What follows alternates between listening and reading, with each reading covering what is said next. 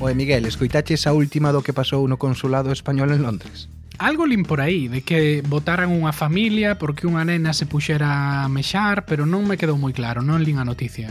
Pois si, máis ou menos esa, esa é a historia. Unha familia viaxou desde, creo que desde Kent, ou bueno, desde o sur de Londres, eh, para facer un trámite no consulado e cando a nai estaba pois no mostrador falando co, coa persoa encargada, a súa filla puxose a mexar nun, nun orinal portátil que xa levaban eh, preparados. E claro, ao Guardia Civil e a xente do, do consulado iso pareceulle semellante ofensa que votaron a familia, a pesar de que pediron disculpas en múltiples ocasións, e despois desa hora e pico de viaxe que fixeran, quedaron sen, sen solucionar os trámites. E bueno, pois lembremos que estamos nunha situación de COVID, con todos os baños pechados, e co difícil que pode ser pois para unha nena aguantar claro. aguantar o pis e, bueno, pois a esta familia votarona para a súa indignación e así saiu, así saiu na prensa.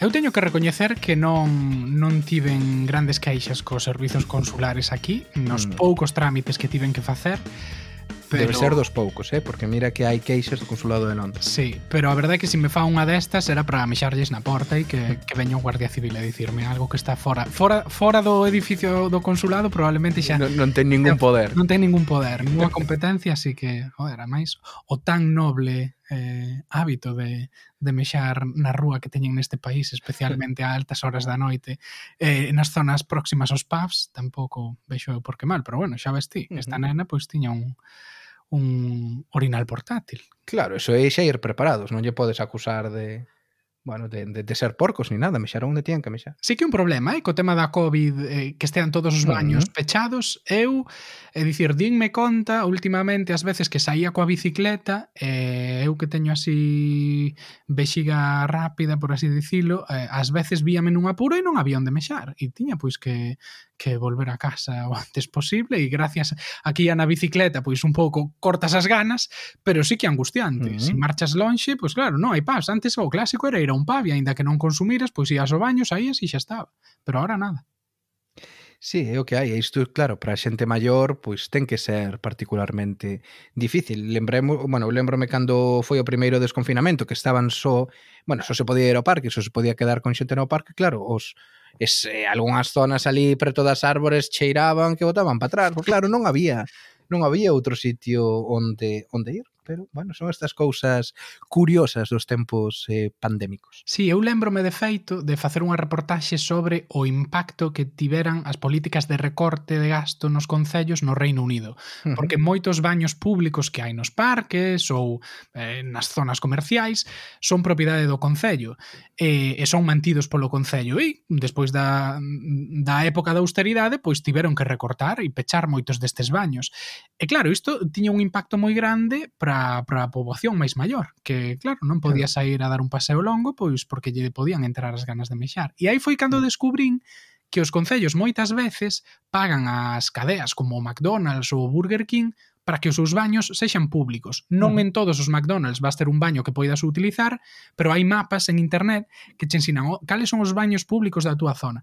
E moitos están nun McDonald's e ti podes entrar, mexas, non consumes nada e ninguén che pode dicir claro. nada porque un baño que está pagando o Concello para que a xente o poida usar. Pero bueno, hoxe non imos falar de baños, nin de baños de públicos, nin privados, nin de mexar.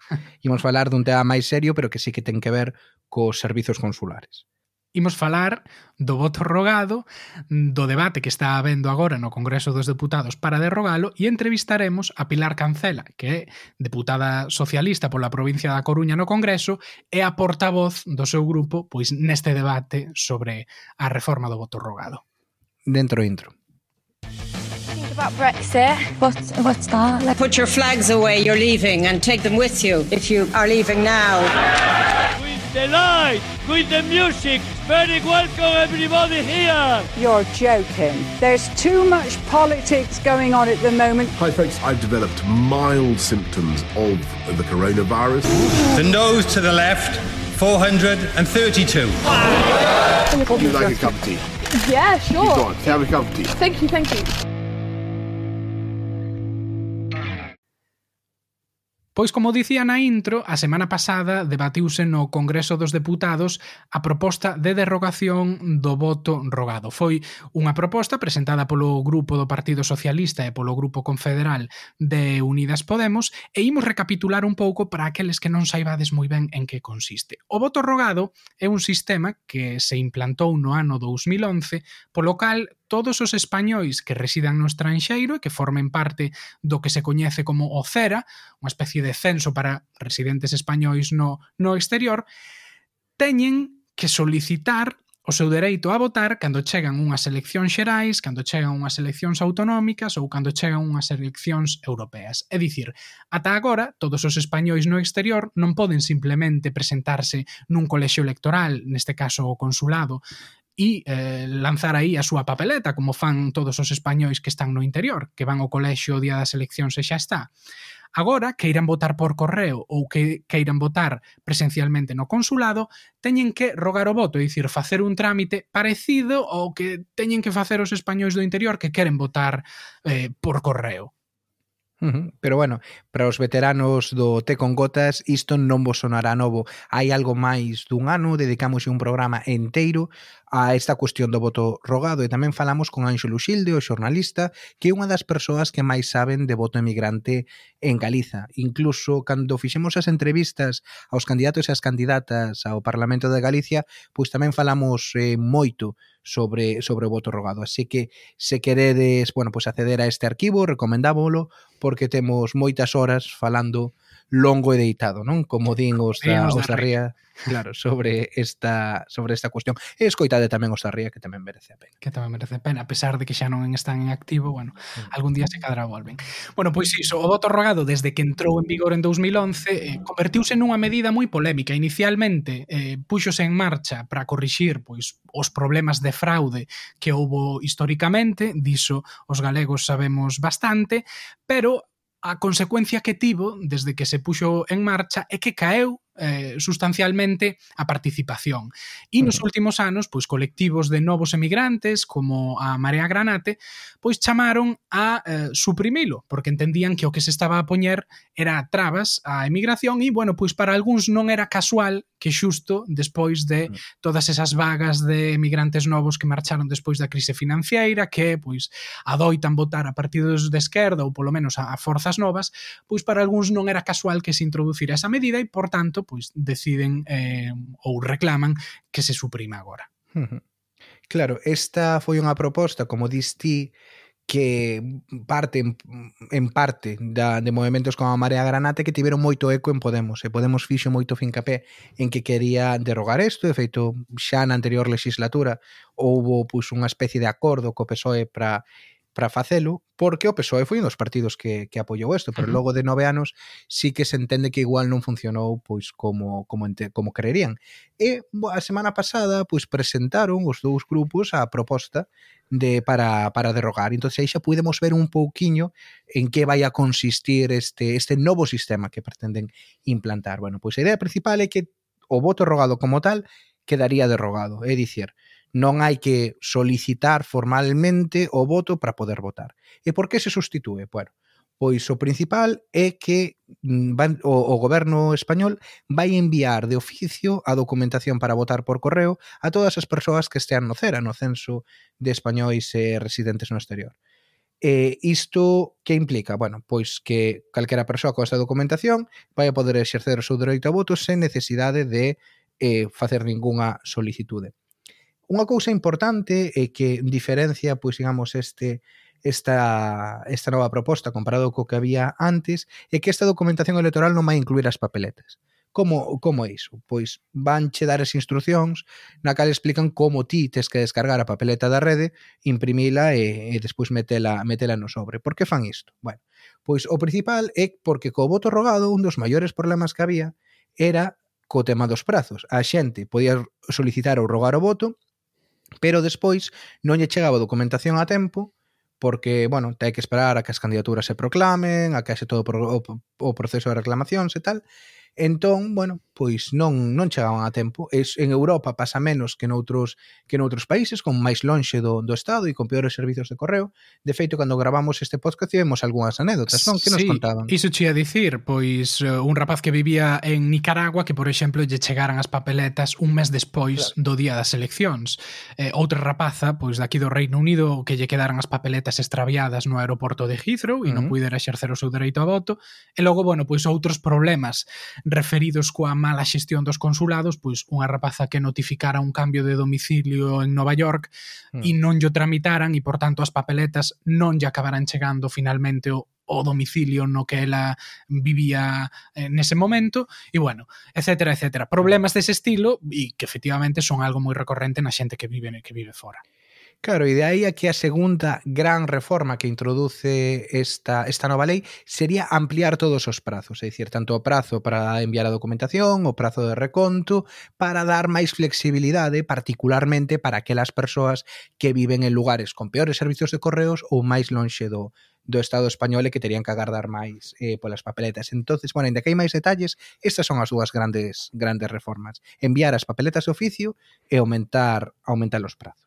Claro, pois foi un debate ou unha proposta esta que presentaron o PSOE e Unidas Podemos que contou co apoio de todos os partidos da Cámara eh, e, e bueno, é un debate histórico é un debate Pero histórico. bueno, é unha, perdoa que é unha cuestión que non comentamos esa proposta non está aprobada No, ainda admitiuse a trámite. Admitiuse a trámite, claro. Claro, ah. eso foi o que se votou por unanimidade e agora comezará o que previsiblemente vai ser un longo e detallado debate sobre todas as todos os detalliños, non desta desta proposta. Claro, a expectativa é que se aprobe desde logo este ano, mm. pero sí que agora pois eh, foi a primeira aprobación inicial, por así decirlo, no, no Congreso, e como dicía, pois é un debate histórico que para poñer un pouco en contexto, bueno, Galicia ten un papel moi importante porque precisamente foi políticamente unha das comunidades impulsoras da reforma que se puxo en marcha en 2011, porque aquí, mm. precisamente aquí, pois tivemos eh, casos moi coñecidos de fraude electoral, de problemas coas nosas comunidades eh, no exterior, lembremos pois as sacas de votos que chegaban da Argentina,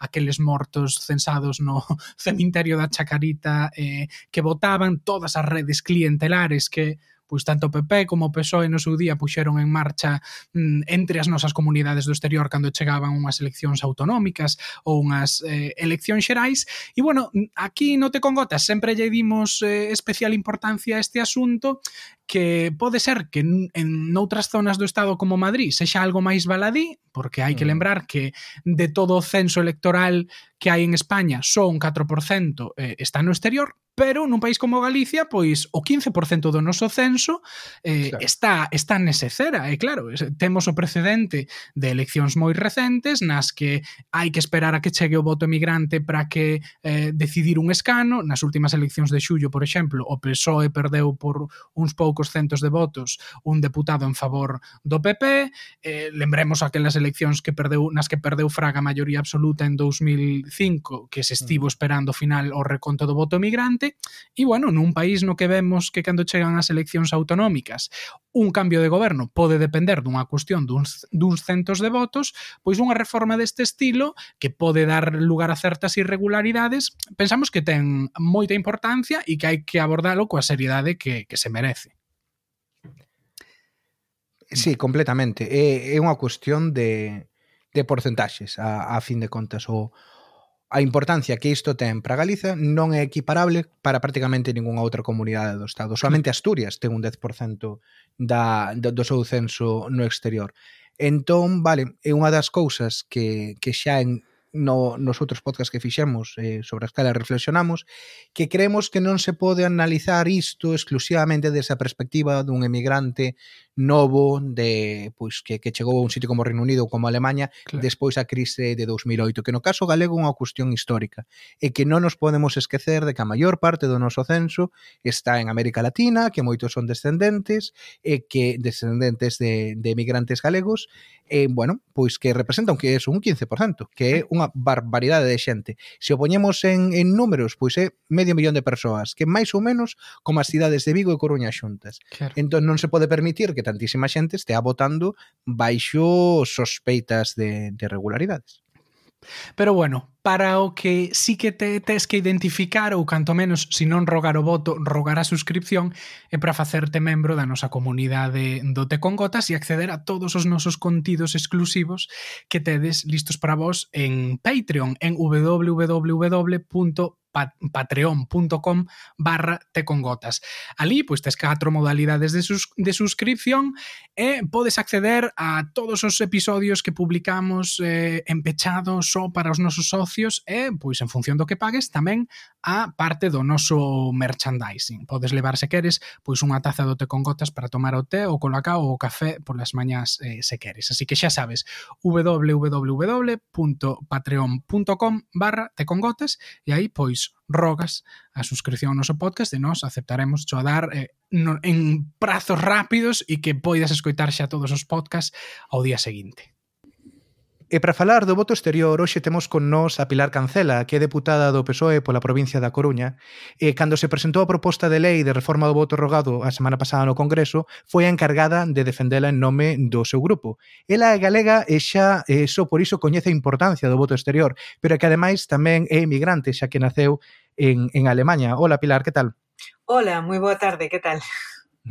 Bueno, moitas grazas eh, por estar por estar aquí. Imos comezar eh, esta entrevista facendo un pouquiño de unha recapitulación, non? Entón, en 2011, o PSOE, xunto cunha moi ampla maioría do Congreso, vota a prol de reformar a lei electoral e implantar o que despois se coñecería como voto rogado. Dez, amos, dez anos máis tarde, atopámoste na tribuna do Congreso solicitando a súa derogación e pedindo desculpas aos residentes no exterior polos obstáculos pois que isto pudera ter suposto a hora de, de exercer o dereito a voto. A que se debe esta, esta rectificación? Bueno, a rectificación eu creo que se debe por unha primeiro por unha cuestión de xustiza e, e de sentido común. Eu, ademais, eh, sei ben o que é ser emigrante e sei ben o que é cando estás fora da túa terra ou botala moitísimo de menos. Non solamente porque nacera en Alemanha e daquela, evidentemente, era moi pequerrechiña, pero despois, con posterioridade, eh, estiven tamén emigrada con, con meus pais en Venezuela uns cuantos anos, cando xa era un poquinho máis, máis grande. E eu creo que é un sentimento de ligazón e de pertenza a, a terra que non esqueces e que e que te fais, eh, aínda que estés lonxe, o sentimento realmente non, non remata, senón ao contrario, eh, estás moi pendente do que acontece ali e vives todo con moita intensidade, aínda que sea dende lonxe. E ademais, eu asu, asumín a responsabilidade na, na dirección na Executiva Federal do Partido Socialista dende que está Pedro Sánchez de secretario xeral e son a, a responsable de políticas migratorias e do partido no exterior. Así que teñome movido bastante por, por, eh, por a diáspora, que, que lle chamamos así, e vivín de cerca, vivín moi de preto moitos dos procesos electorais que hubo últimamente e sei das dificultades e sei tamén do impedimento absoluto eh, para poder exercer un dereito fundamental, que é o dereito de votar, porque ademais é o que sustenta o propio sistema democrático. Eu creo que o Partido Socialista foi consciente por todo isto, eu creo que se non houbera sido dun xeito normal eh, por saber de todas esas dificultades, eu creo que hai un dato moi obxectivo e é que o índice de participación de toda a, a concidadanía que está fora, eh, pois de pasar de máis dun 30% en algúns dos procesos electorais fai anos antes de, de ter implantado o voto rogado, a pasar agora en algún dos últimos recentes que eh, moi pouquiño sobrepasou o 4%. Entón, eso que significa? Significa que todas as trabas que se puxeron en aquel momento Uh, pois o que ao final o fixeron foi afogar dun xeito determinante o, o votar. E a xente o percibe e o viviu como algo que como como trabas, eh, eu creo que se quixo protexer tanto o, o dereito a votar que ao final o que se fixo foi impedir que se pudera exercer. E eu creo que é unha cuestión de xustiza e de sentido común. Os resultados están aí e sobre todo o malestar crecente dende o primeiro momento da, da, da propia cidadanía no exterior que se manifestou en contra xa de cando se estaba xestando a modificación legislativa, pois eu creo que foi increchendo e, bueno, eu creo que toca e, e tocaba tamén pedir disculpas porque eh, foi un erro e os erros hai que recoñecelos cando se cometen. Falabas dese 30% de participación histórica e efectivamente unha comparación que se fai habitualmente, pero claro, temos que lembrar tamén a situación na que se daba ese 30%, que en moitos casos, bueno, pois non eran tanto electores como votos emitidos e no caso galego pois temos eh, experiencia e hai investigación e, e documentación de sobra sobre os casos de, de fraude electoral que se deron en moitos países como como na Argentina, como no Brasil. Claro, eh, esta medida, eh, o voto rogado, introduciuse en 2011 para poñer fin a todos aqueles casos de, de fraude, todas aquelas irregularidades. En que vai cambiar eh, a reforma que se vai introducir agora, esta derogación, en que vai cambiar eh, con respecto ao que había antes de 2011? Que garantías vai dar de que non imos volver a aquel, a aquel sistema?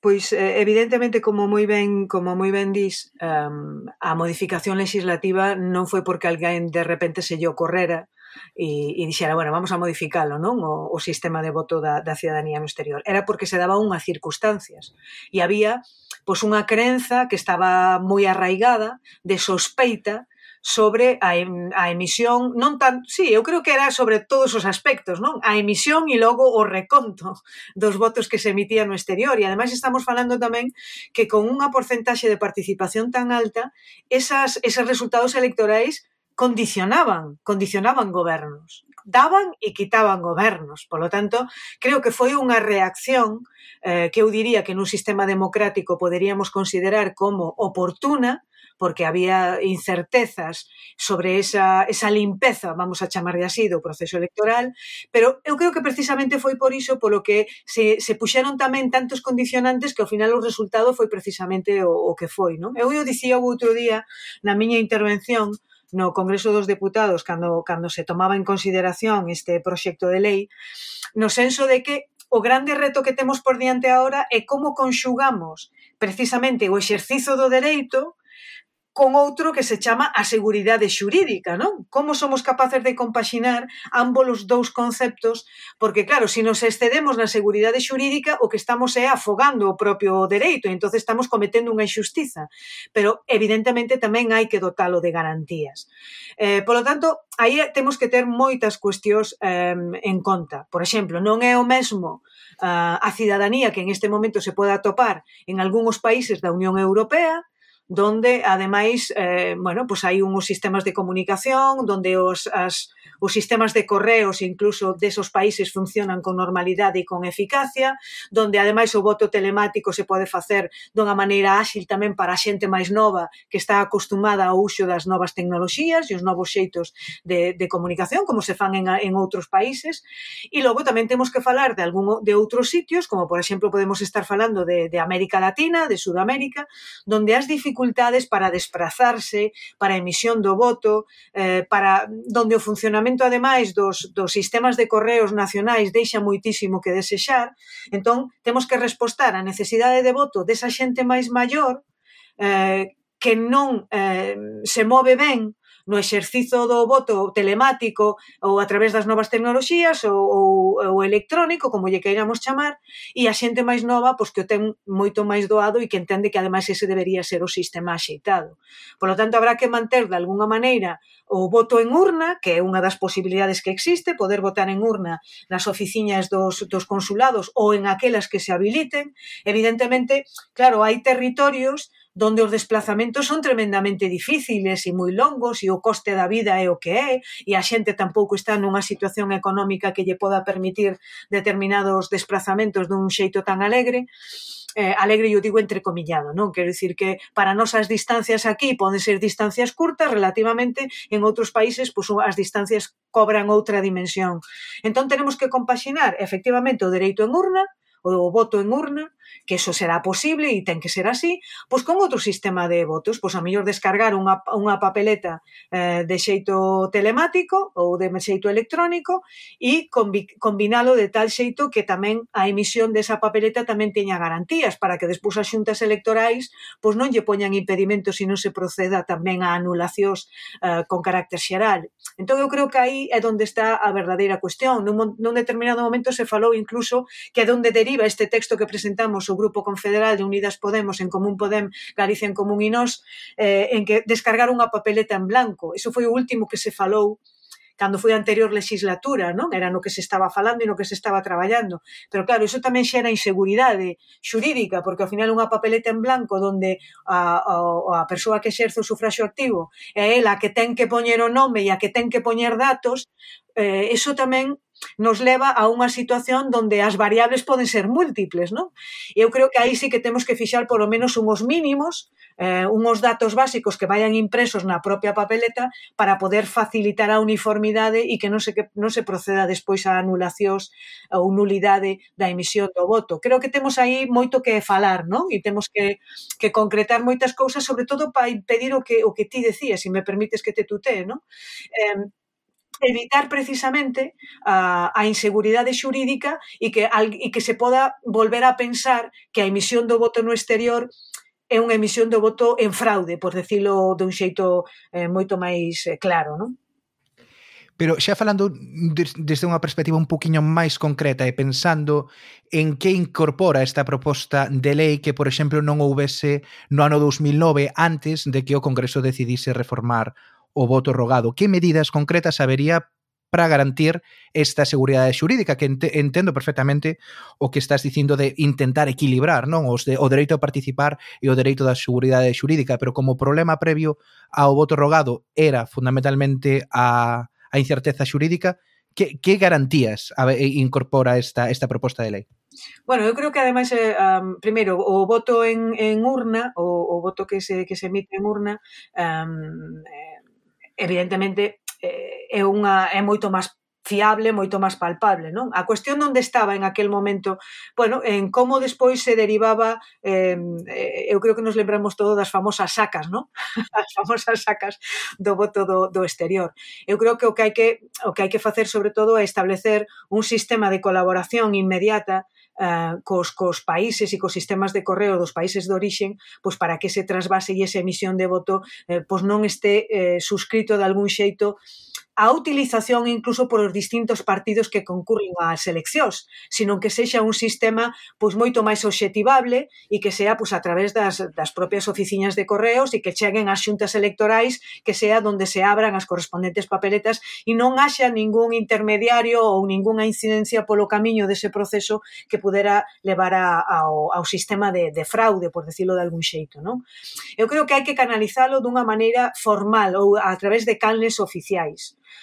Os que se emiten en urna dos, nos propios consulados ou, ou nas oficinas que se habiliten, evidentemente teñen que ter un cauce oficial tamén para chegar ás propias oficinas um, ehm, eh, de correos ou e despois ás xuntas electorais. Eu creo que eso debe ser o camiño axeitado, non? E non intentar buscar outras alternativas, sino canalizalo, pois como se fai aquí, cando votamos en territorio español, con todas as garantías, porque ademais creo que, que temos demostrado sobradamente, sobre todo polas últimas eleccións que aconteceron no noso país, que o sistema de non soamente de emisión de votos de sufraxio, sino tamén de reconto electoral, creo que non temos nada que envexar a ningún outro país do mundo. Acabamos de ver que nas eleccións catalanas non fai falta tampouco eh, solamente significar estas, non? Podíamos falar de calquera outra que tuveramos que tuveramos eh, vivido no, no, no territorio do, do Estado, pois que aos, as dúas horas xa temos o resultado, non? Bueno, eu creo que temos un sistema electoral tremendamente fiable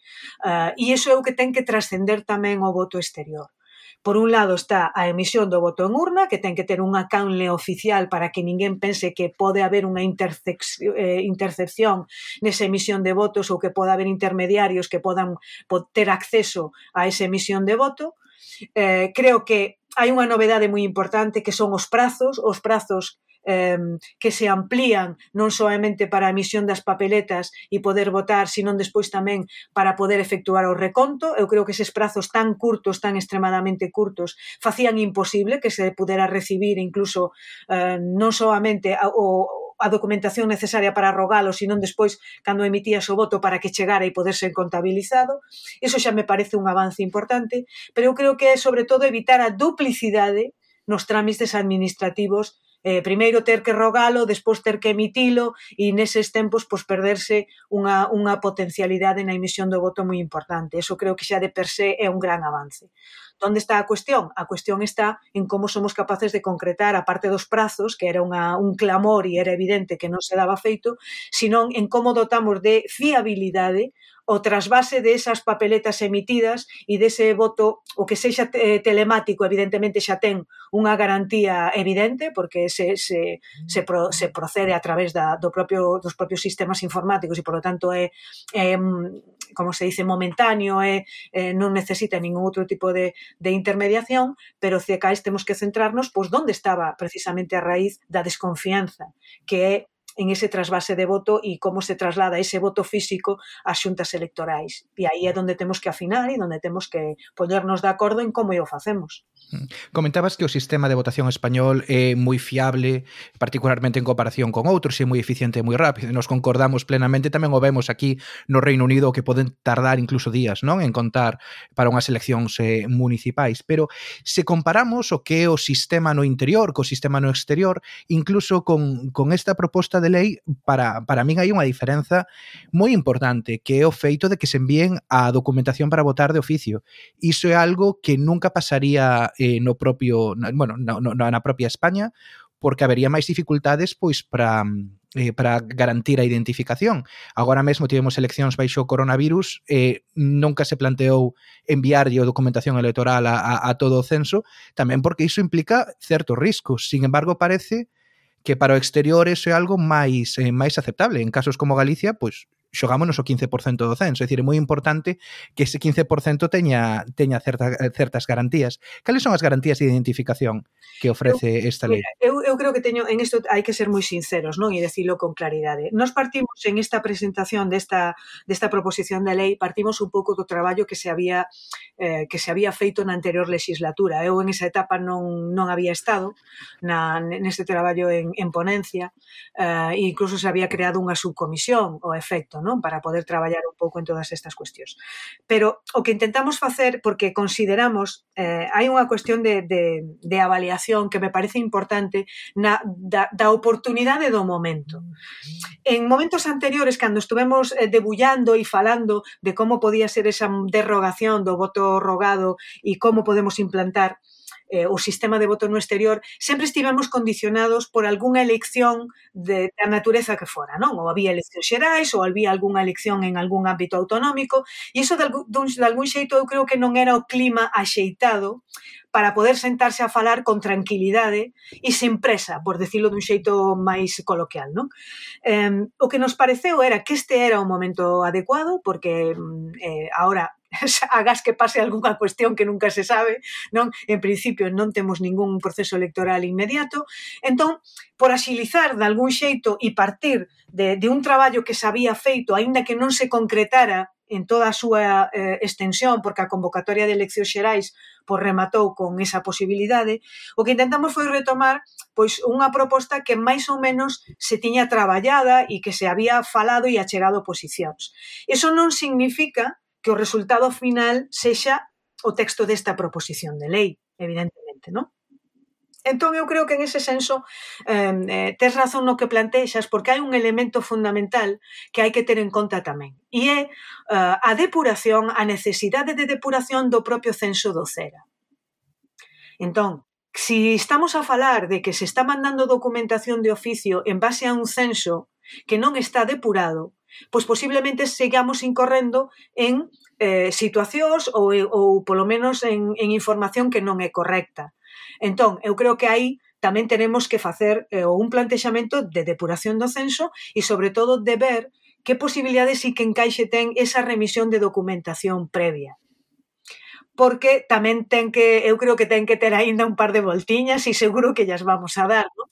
Eh, entón eu creo que isto foi o que intentei tamén clarificar o outro día tantos nós como o Grupo Confederal de que este é un documento base de partida, de partida pero que evidentemente vamos a ter que, bueno, pues vamos a ter que falar moito e vamos a ter que traballar moito e sobre todo, bueno, pues contar con ese traballo previo que se tivera feito en unha subcomisión eh, específica para esta cuestión e, e sobre todo recamando información da práctica do que eso supoñería e si eso sería posible ou non eu así a priori teño as miñas dúbidas e, e me asomo a esa posibilidade ou me achego a esa posibilidade con moita precaución non?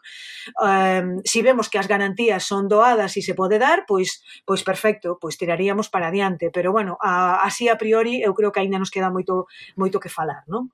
Falabas antes da cuestión do censo e da necesidade de actualizalo. Tedes constancia logo desde o Grupo Socialista, en este caso tamén desde o Goberno, de, de que o censo de españois no exterior non está sendo actualizado como é debido? Eu creo que mm, eh, a percepción que si sí hai, pero porque sobre todo nos, nos chegan eh, consideracións dos propios países de, de, de destino non? De, ou de orixe non? da emisión do voto, donde eh, nese censo pues, eh, se incluyen determinadas persoas que pois que non están os seus datos actualizados ou, ou que xa non por desgraza xa non xa non viven.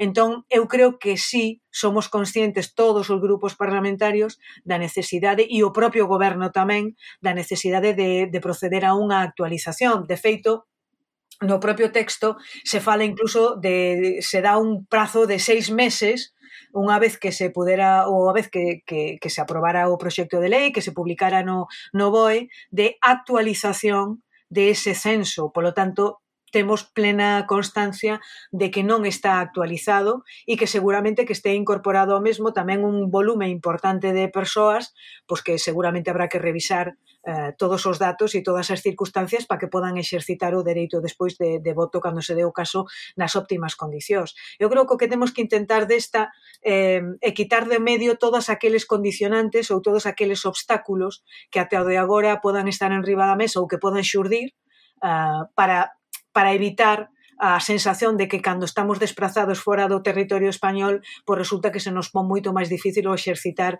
un dereito vital para a cidadanía, non? E eu creo que ese é o traballo que no que, que nos toca agora, cando se constitúa a ponencia, e é o que vamos a ter que centrarnos fundamentalmente. Pero bueno, revisar un censo de 2 millóns de, de, de máis de 2 millóns de persoas é un esforzo importante a nivel logístico. Tedes previsto pois falar algo de dotar de máis recursos a, ás oficinas consulares? Pois esa é unha das demandas que levan que levan facendo dende mai fai moitísimo tempo as propias oficinas consulares, non? Entón, bueno, eu creo que si, si é un compromiso que asumimos eh, legislativamente e en este caso son os dous grupos que sosteñen ao goberno os que plantexamos esta proposición de lei, evidentemente o traballo que haxa que facer, pois habrá que facer.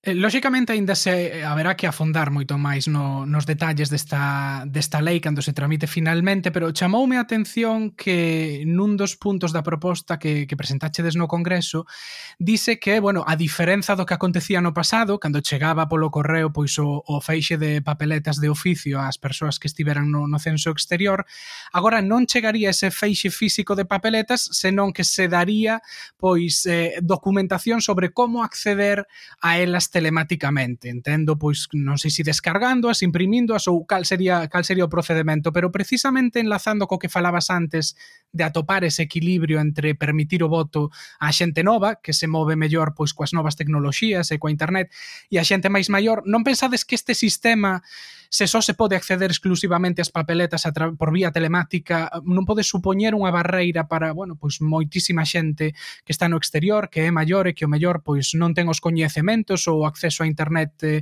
necesario para para facer iso. Non, non, completamente de acordo co que estás comentando.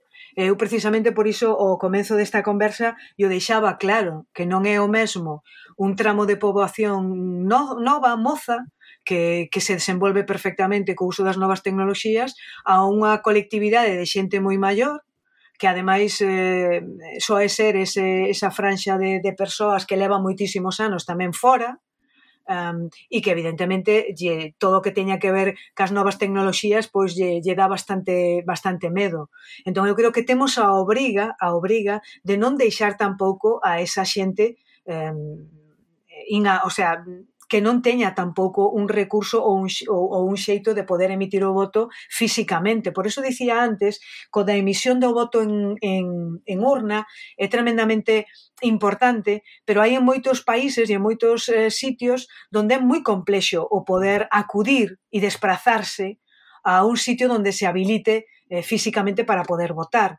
Entón aí temos que ter um, temos que pensar e temos que escurrirnos a cabeza, pois non sei se o millor a través das agrupacións ou das asociacións que existan de, de colectividades organizadas no exterior, como podemos facer, aí temos que devanarnos os sesos bastante, para poder cubrir tamén ese espectro de idade donde, bueno, pois que teñen moita máis dificultade para poder manexarse dese xeito telemático. E eu creo que ese é o, a, o gran reto que temos, non? Como, como facemos para poder eh, facilitarlle a todas as, as persoas que están no exterior o exercicio do voto para non incorrer precisamente nos mesmos erros ata de agora. As posibilidades son varias, non? E eu creo que todos máis ou menos temos na cabeza como podería como poderíamos facer, pero claro, temos que sentarnos e temos que poñernos de acordo. E, e aí é onde está aí é onde está a cuestión, non? A ver como como facemos. A min me preocupa moitísimo Um, eu sei que a xente moza non ten ningún problema no acceso ás novas tecnoloxías e ademais é unha reivindicación desde fai tempo de que se faga así, pero temos que pensar tamén en todos en todos os, os, os tramos de idade e en todas as persoas e sobre todo tamén nas circunstancias dos países donde se desenvolve. Non é o mesmo, pois por exemplo, vos que estades no Reino Unido, que sodes xente moza e que evidentemente estades en Europa, eh, que, por exemplo, falar pois, dun país como, pois, como pode ser Argentina, co, ca extensión de terreno de territorio que ten e as dificultades que tamén hai para poder eh, desplazarse cunha colectividade tamén moi avellentada, non?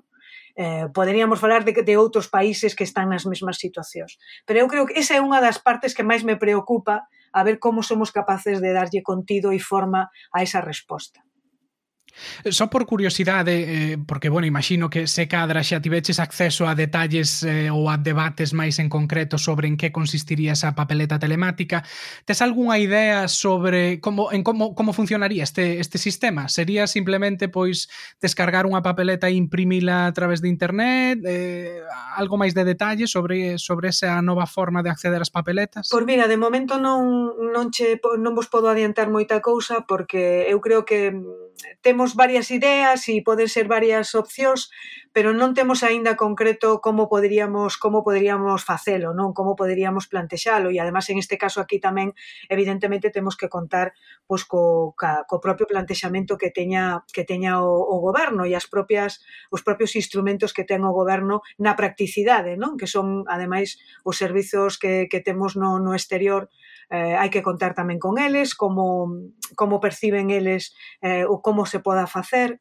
Entón, bueno, eu de momento non me, non, non me atrevo, sabes? Non me atrevo a, a falar en un sentido ou en outra. Creo que o que sí está descartado é a famosa idea da papeleta en blanco, Uh, porque creo que eso foi un plantexamento no seu momento, pero despois de, de, de, de darlle voltas e sobre todo de pensar na seguridade xurídica e na validez da propia emisión do voto é un tema que está descartado, entón agora temos que ver como facemos, si, si o link che dá para entrar en unha determinada nun enlace donde ti podes clicar encima pois dunhos logos que identifican os partidos e unha vez que clicas e confirmas eso xa sirve como voto ou pola contra é unha papeleta na que ti tes que escribir de, bueno, quero dicir que temos que ver como o facemos. Eh, eu creo que aí é onde está tamén o, o, o plantexamento, non? Pero bueno, eu creo que é unha das grandes opcións e é unha da posibilidade que non existía hasta este momento e evidentemente que a cantidad de xente moza que hai por aí polo mundo adiante, pois creo que será unha boa nova para eles, non?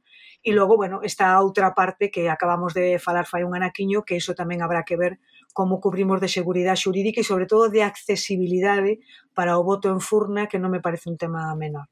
Mm. Claro, pero lendo, lendo a proposta semella que se sigue priorizando o voto por correo fronte ao voto en urno, entendendo que é a fonte fonte principal. Non non é unha posibilidade, pois como por exemplo propuxo o Parlamento Galego no ano eh, 2008 por eh, por unanimidade promover o voto en urna como opción principal utilizando todas as distintas redes de colexios españois, de centros galegos, de centros españois, etcétera, para para poder votar, que a fin de contas cubren unha parte moi importante da poboación e utilizar un voto por correo que sexa rogado como se fai para votar dentro dentro de España para aqueles casos nos que o desplazamento non sexa posible? Pois sí, é unha opción. Eh? Eu por eso dicía que eh, antes cando falaban, dicía, bueno, pois pues a mellor temos que falar con todas as organizacións ou agrupacións ou colectividade que están de algún xeito organizadas no exterior para poder axudar non en ese sentido e que, e que home, con todas as debidas garantías, non? As debidas garantías de control oficial, pois a través de apoderados ou a través de, eh, de, de persoas acreditadas por parte da propia dos propios consulados para poder velar por o cumprimento ou por a legalidade do exercicio do dereito. Eu creo que non hai que descartar absolutamente ningunha opción. Creo que estamos nas portas de, de sopesar posibilidades, e de falalo e eu creo que, bueno, eu creo que estamos no momento procesal oportuno, non? Ahora o que toca eh, é ver como se concreta iso e, e eu creo que mm, eh, mm, eu creo que mm, temos moitas gañas de aprender do que non se fixo ben en outro momento e iso xa é bastante importante, non? No debate do Congreso da pasada semana sobre esta proposta de lei, chamoume a atención que ninguén mencionou, aínda que fose por riba, a cuestión de desvincular o dereito ao voto da nacionalidade. É algo que si acontece noutros países de Europa, onde, por exemplo, para votar precisas ter residido uh, no país durante un certo período de tempo como garantía pois dun vínculo non real co país e que bueno, é especialmente importante eu creo no caso dun, dun país como Galicia onde temos eh, moitísimos eh, emigrantes eh, que son oficialmente pois galegos e teñen a nacionalidade española a pesar de que se cadra son fillos ou netos de galegos e nunca pisaron o país e teñen tantos dereitos como os cidadáns que viven físicamente en Galicia ou mesmo máis, porque esa xente ten máis dereito, por exemplo, que un inmigrante que vive en Galicia, traballa en Galiza, paga os seus impostos ali, pero non ten dereito a votar nunhas eleccións autonómicas ou nunhas eleccións xerais. Eh, pensas que sería un bo debate abrir, que sería unha cuestión que se debera abordar agora, xa que se está falando do voto emigrante? Um, bueno, eu creo que um, hai unha cuestión que é evidente que que ti tamén podes adquirir a nacionalidade por dereito de sangue, non? Cando eres descendiente tamén de, de, de persoas que teñen a nacionalidade por orixe. Por lo tanto, en este caso, a descendencia ou os descendentes sí que teñen garantido uh, de algún xeito uh, o dereito ao voto. A, non acontece o mesmo en determinados opostos dos que se chaman os netos e netas, non? Que aí temos tamén outra uh, outra cuestión outra cuestión pendente, pendente de debatir e, e pendente de, de, de amparar legislativamente, non os famosos catro supostos. Um, eu creo que son, a ver, um, é que estamos falando de, de, de temas tremendamente importantes. Evidentemente a cuestión da nacionalidade eh, non debería ser tratada en este caso en esta tramitación deste proxecto de lei, pero sí, ao millor, um, a, a, a luz eh, deste proxecto de lei sí que poderían facerse unhas reflexións en relación co, co tema da adquisición da nacionalidade ou, ou a ou desligar a nacionalidade do dereito do exercicio do dereito ao voto. Um, a verdade é que en este momento, con toda claridade, non está en riba da mesa, non é unha cuestión que se este debatindo agora mesmo, pero bueno, pois mira, é unha cousa que acabades de comentar que ao mellor pois hai que darlle unha voltiña, eu tampouco o descarto, eh? Uh -huh. Bueno, pois eh, creo que... Unha carga de profundidade tamén moi importante, o sea... Non, claro, co completamente, pero bueno, tamén é unha das, eh, quizáis, unha das cousas que está creando máis eh, máis confusión, porque tamén cando se fala de que medra moito o cera, en moitos casos non é porque marche xente, é simplemente porque medra a través dos, dos descendentes, non? Entón, iso crea unha certa confusión tamén cando se cando se analiza. Sí, sí, sí, sí, totalmente, totalmente. Bueno, eso habría que, como decimos moito aquí, hai que darlle unha voltiña, hai que darlle unha voltiña iso.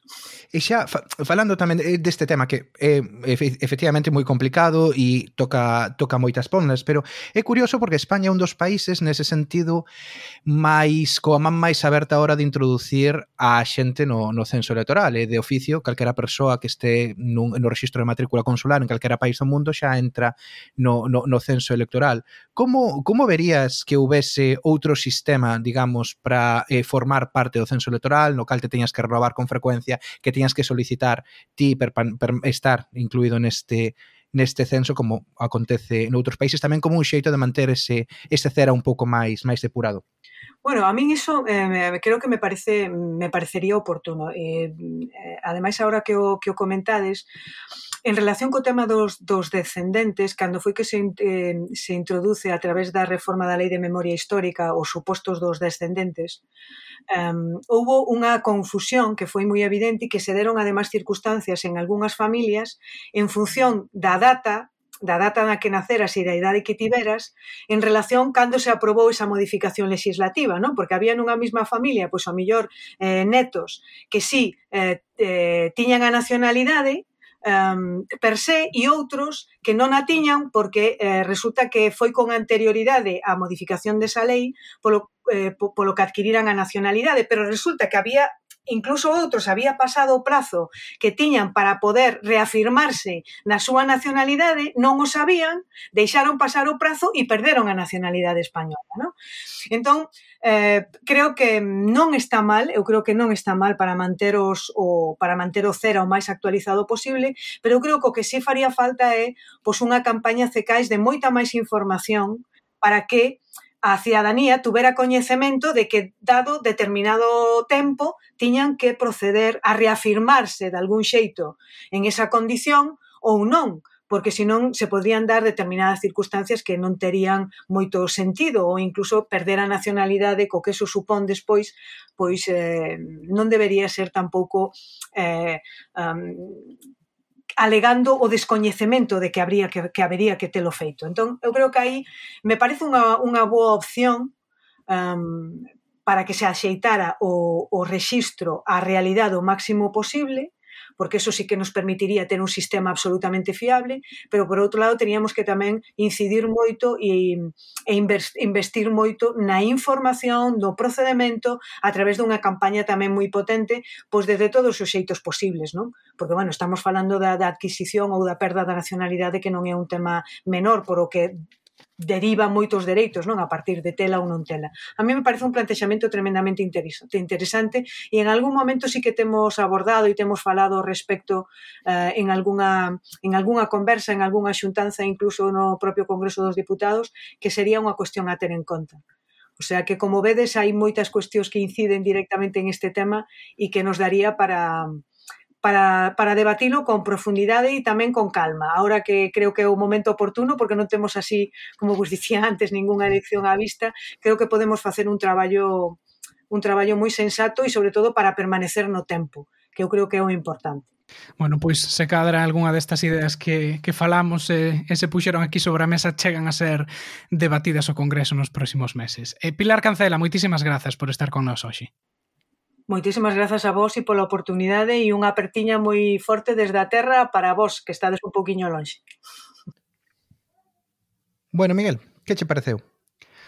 Bueno, pois é un tema é un tema complexo, chamoume un pouco a atención a falta de concreción que había con respecto a algunhas propostas, por exemplo, pois esa papeleta telemática, non, que non este aínda mm. moi claro en que vai consistir, e realmente pois sí que me parece algo importante, porque como falábamos con Pilar na entrevista, lóxicamente hai que garantir que non haxa irregularidades á hora de, de exercer o voto, eh, pero sí que creo que é importante que a xente maior que moi probablemente pois se vai apañar menos co, co ordenador, coa internet, eh, facer os trámites na páxina web, etc, etc, creo que non hai tampouco que establecer un sistema que sexa moi disuasorio para eles, non? E que uh -huh.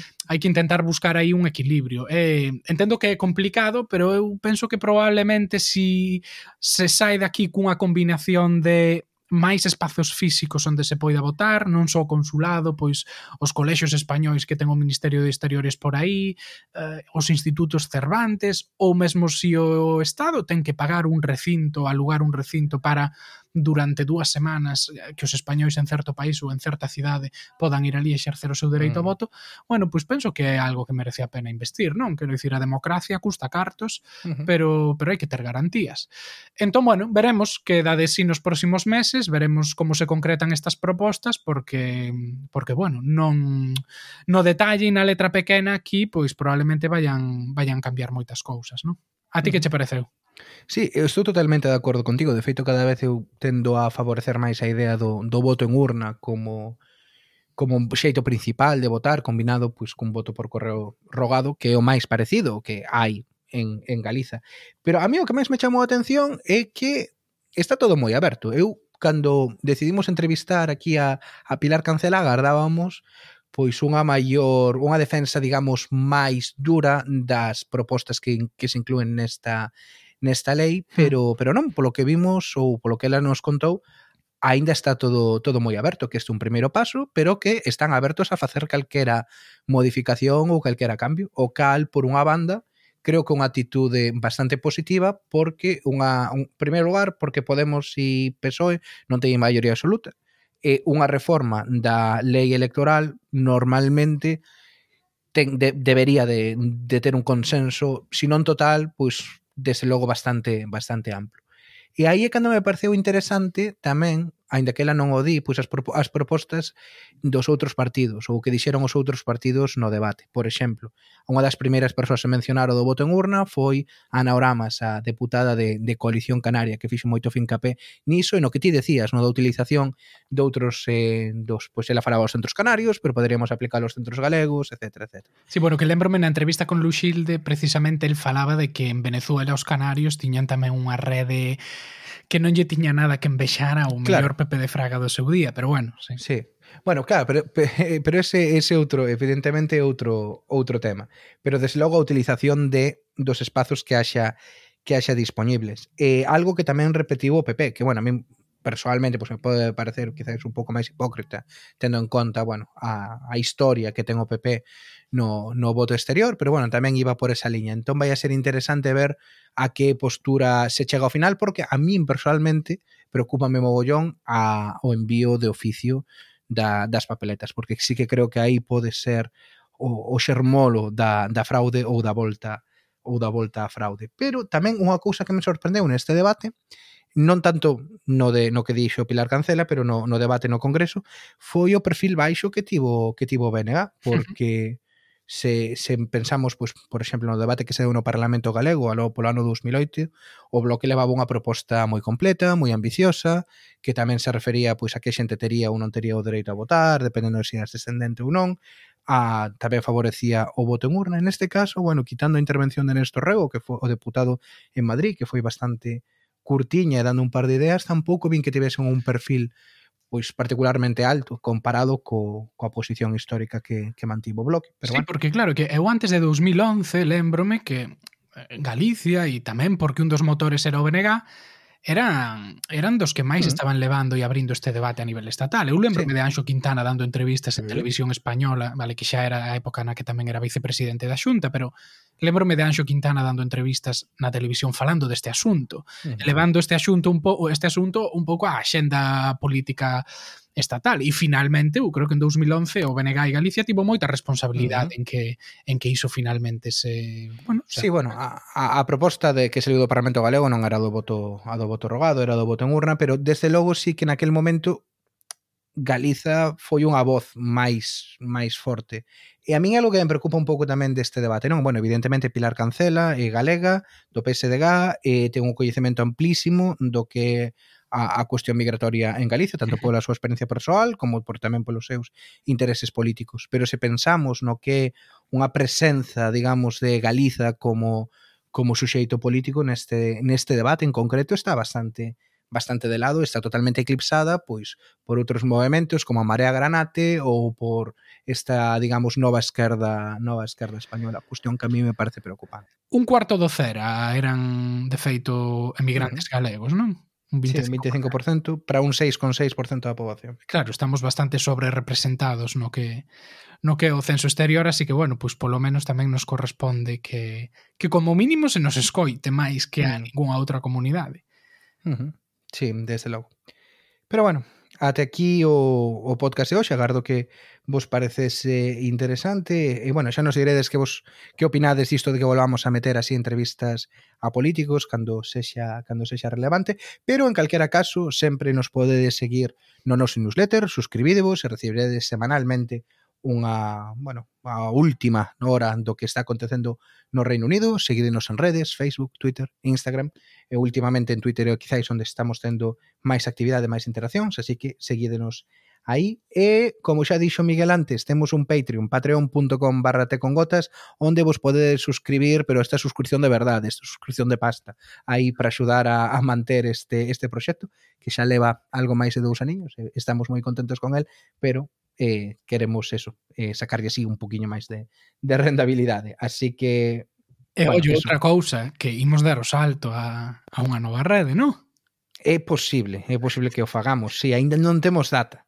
Temos, ainda non temos, non temos data, pero temos o compromiso de facer un Twitch e finalmente deixarnos de coñas e entrar na modernidade da xeración Z sí. e facer un Twitch pois coa excusa de que é o noso segundo aniversario para falar do Reino Unido en xeral, para mm. desbarrar, para falar de política, para falar de fish and chips, de deportes, do que sexa. Mm. E, e bueno, precisamente nun momento pois que está a cousa interesante, vai haber eleccións en Escocia e en Gales aí en, en maio, volta a estar o Reino Unido un pouco de actualidade, pois, pois eh, vamos mm. falar, así que xa iremos informando de datas, estade atentos en redes sociais estamos aínda traballando na cuestión técnica, non a temos todo solucionado, pero porque non somos máis de audio. Entón, claro. cando entra a parte visual, pinchamos un pouco. Podedelo ver un pouco polas luces eh, que cambian moito dos nosos vídeos en Twitter e en Facebook e en Instagram. E aí vos daredes conta que estamos feitos máis para audio que para audiovisual.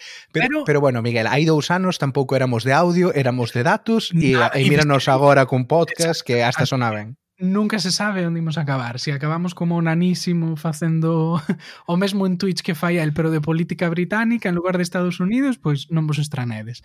Así que iso, xa anunciaremos a data, pero probablemente pois sí que nos deixemos caer por Twitch. Mentres tanto, vémonos en dúas semanas.